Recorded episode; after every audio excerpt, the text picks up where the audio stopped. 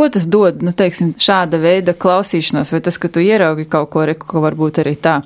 Kāds ir tas labums, ko tas dod? Un kam? Es domāju, ka tikai un vienīgi, ja cilvēkam ir vēlme, iepazīt arī citu cilvēku dzīvesveidu un varbūt kļūt nedaudz atvērtākam. Tātad tas labums būtu, ka tu kļūsti kāds. Domājošs. Un kā tas varētu nu, kā parādīties reālajā dzīvē? Ļautu mums izvairīties ikdienā no lieka naida.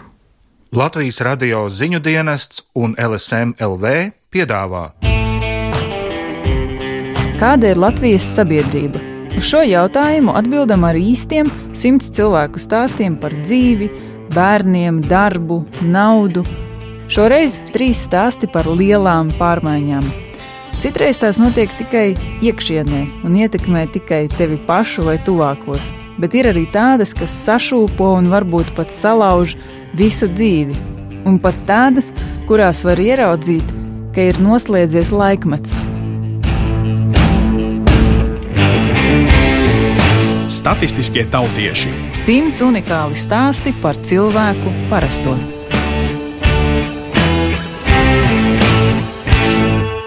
Trešā sērija. Es esmu Juris Rieksniņš, esmu laimīgi šķīries, man ir 60 gadi, un es dzīvoju Baldonē. Un es eju, un es eju, un tur, tur ir vienkārši tāds zemes ceļš, un ik pa laikam kaut kādas smagās automašīnas pabrauc garām, uztais milzīgus tos putekļus.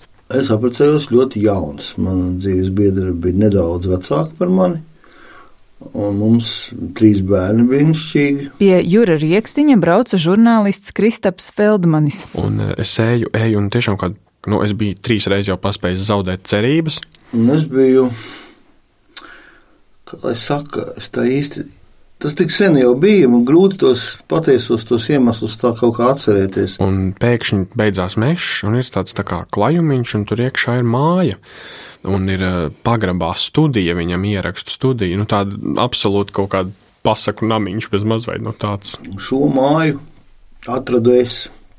Man bija ļoti daudz, daudz mēģinājumu tikt prom no Rīgas, prom no Rīgas, lai bērni var uzaugt tādā mopēdā, velosipēdā, lai slēpjas, lai var brīvi dzīvot, bet lai Rīga nav pārāk tālu. Pirms intervijas es domāju, nu, kāda būs šī intervija, vai tā būs tāda, nu, ka viņš kavēsies kādās tur atmiņās un, un, un tur skumji domās par to, ko ir izdarījis savā dzīvē, varbūt nepareizi, bet nē.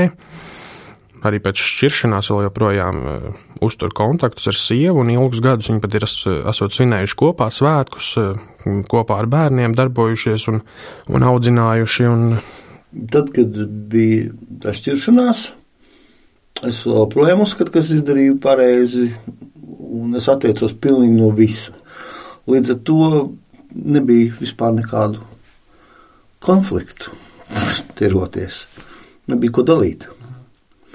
Un es arī um, to nu, jauno ģimeni mēs izveidojam apzināti tepat blakus, dzīvojam tepat blakus, lai būtu saikne ar bērniem. Mēs katru dienu tikāmies tāpat. Un... Vai jūs varat saprast, tā, kurš tad bija tas, kurš nu, inicijēja vairāk to, to, ka tomēr ir jāšķirās? To šķiršanās ierosināja sieva, jo es biju laikam pārāk neizlēmīgs, vai es nesapratu īsti, ka tas ir patiesībā ļoti nopietni. Bija tā, ka es sāku mm, spēlēt ar mūziku, bija ļoti aizrāvies, un aizrāvies tik ļoti, ka, ka man tā kā. Un tā kā pa šauru palika, vai kā lai saka, es, es biju pilnībā nemos ar ansambļu lietām, braucu spēlēt un tā. Un, Un arī mums, tad, dzīvojot ilgāku laiku kopā, mums jau bija nu, bērni, mums ir, protams, kopīgi, un, un, un um, tas arī izrādījās ļoti vissaturošākais, visspēcīgākā viela, kas saturēja kopā. Bet, um, Nosaukt to par garīgu tuvību, to laikam tā bija ļoti grūti. Man bija kaut kas tāds pietrūkst, man bija tāda sajūta, ka man pietrūkst tas laikam kaut kādas Un eh, man nebija citu attiecību, man nebija, bet eh, bija tādas kaut kādas, teiksim, tādas alkas, kuras es tā tajā muzikā un darbā daudz man aizgāja. Bet, un es iepazinos ar, ar citu sievieti, meiteni, protams. tajā laikā. Un, un izrādījās mums ļoti daudz, kas bija tieši tāds kopīgs. Kopīgi joki, kopīga antireliģijas izpratne un, un, un, un, un tādas visādas tādas lietas. Kas man tajā laikā, kad man bija 19 gadi, protams, nebija būtiski tas tik ļoti. Manai sievai bija nedaudz savādāks tas taksim, attīstības ceļš.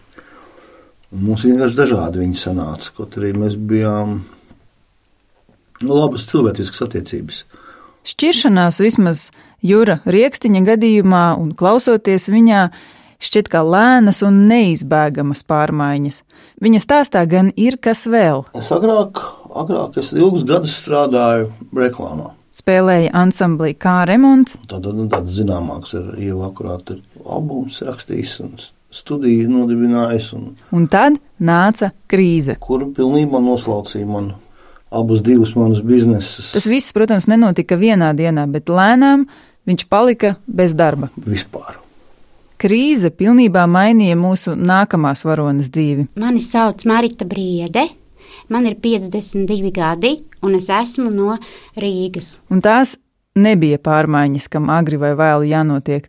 Maritas dzīve, var pat teikt, pilnībā pazuda. Šobrīd es izēju maksāt nespējas procesu, jo man bija parāds pret banku. Un kāpēc? 2005. gadā uh, mūsu ģimene mēs izlēmām uzsākt savu biznesu turisma jomā. Uh, jā, mēs pārdevām privātmāju un visu ieguldījām remontā. Rīgā pārdevām privātmāju, nopirkām īpašumu, pārveidojām par 700 kvadrātmetru jau lielu ēku. Blakus bija jūra, cilvēkiem bija viss nodrošināts tā, lai viņi var atbraukt un atpūsties vasarās. Uh, piedāvājām seminārus, konferences, dažādas atpūtas programmas, gan Latvijas mērogā, gan ārzemju viesus.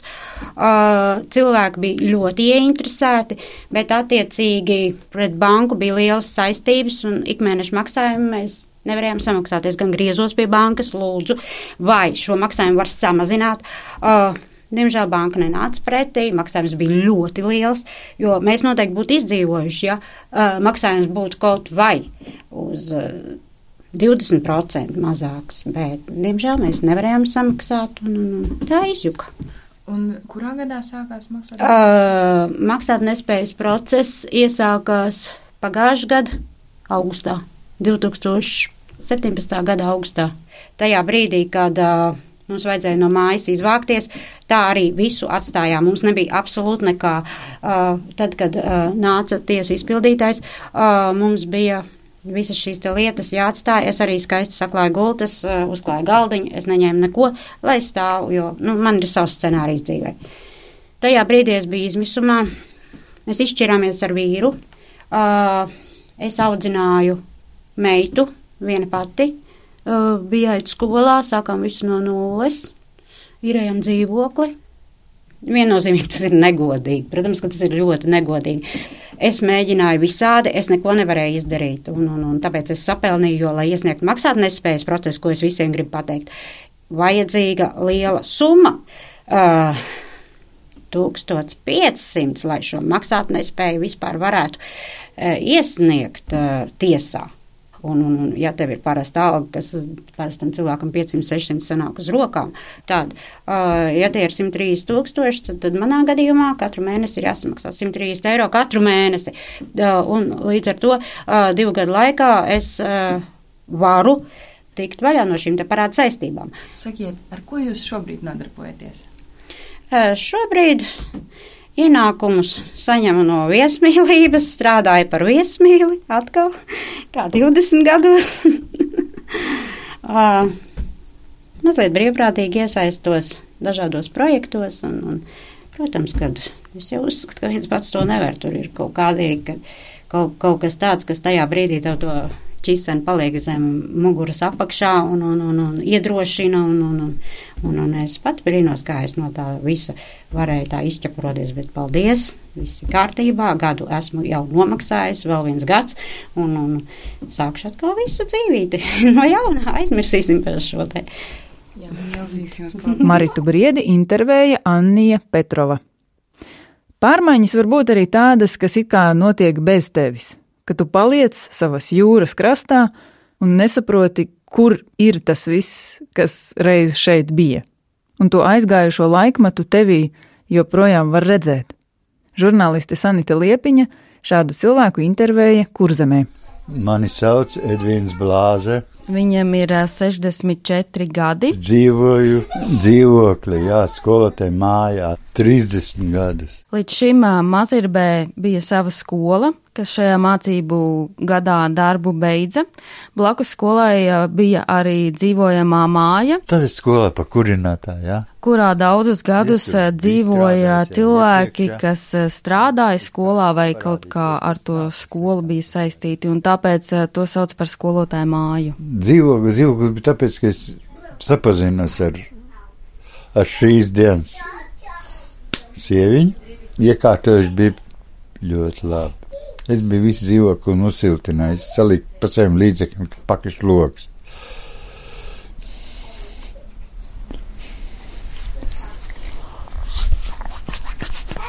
Ļoti skumji bija aiziet no dzīvokļa. Un bija tā mazliet neparasti, nu, ka tāds uh, kungs gados pieaudzis vīrs, ka nu, tā par, Tiešām. par dzīvokli, viņam virst asars, bet jā, tā viņam laikam bija ļoti svarīga lieta dzīvē. Man bija mazliet tā nērti, jo man likās, ka es esmu ne tajā dienā viņus iztraucējusi, tad, kad viņiem ģimenē ir tāds sāpīgs brīdis, ka viņi ir tieši tikko izvākušies no dzīvokļa un Sievai Rīgā darbs.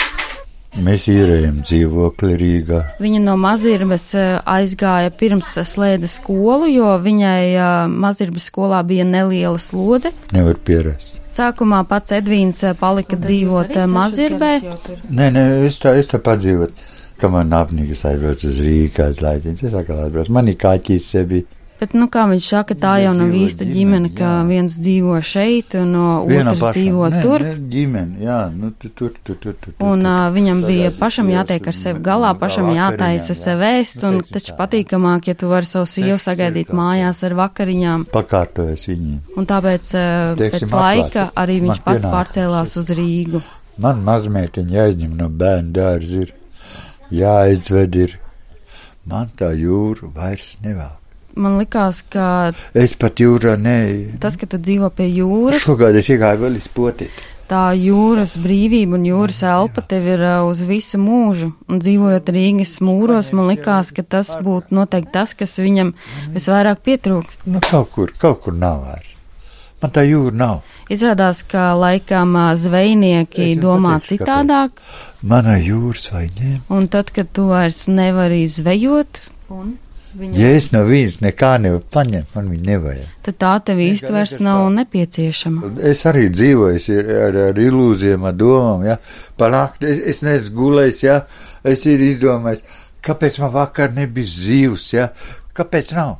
Ir cilvēki, kas pats ar sevi sarunājas.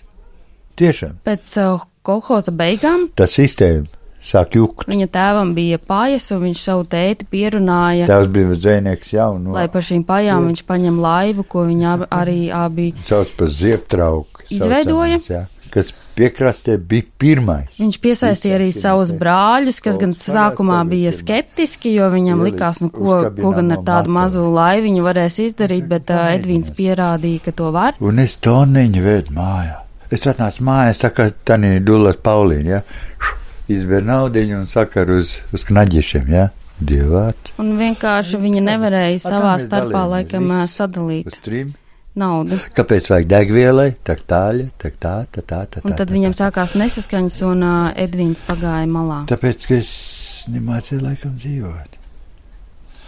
Es, ne, es nemācīju to, nemācīju saprast to, kāpēc, kāpēc tā ir, kāpēc tāda bi birokrātija.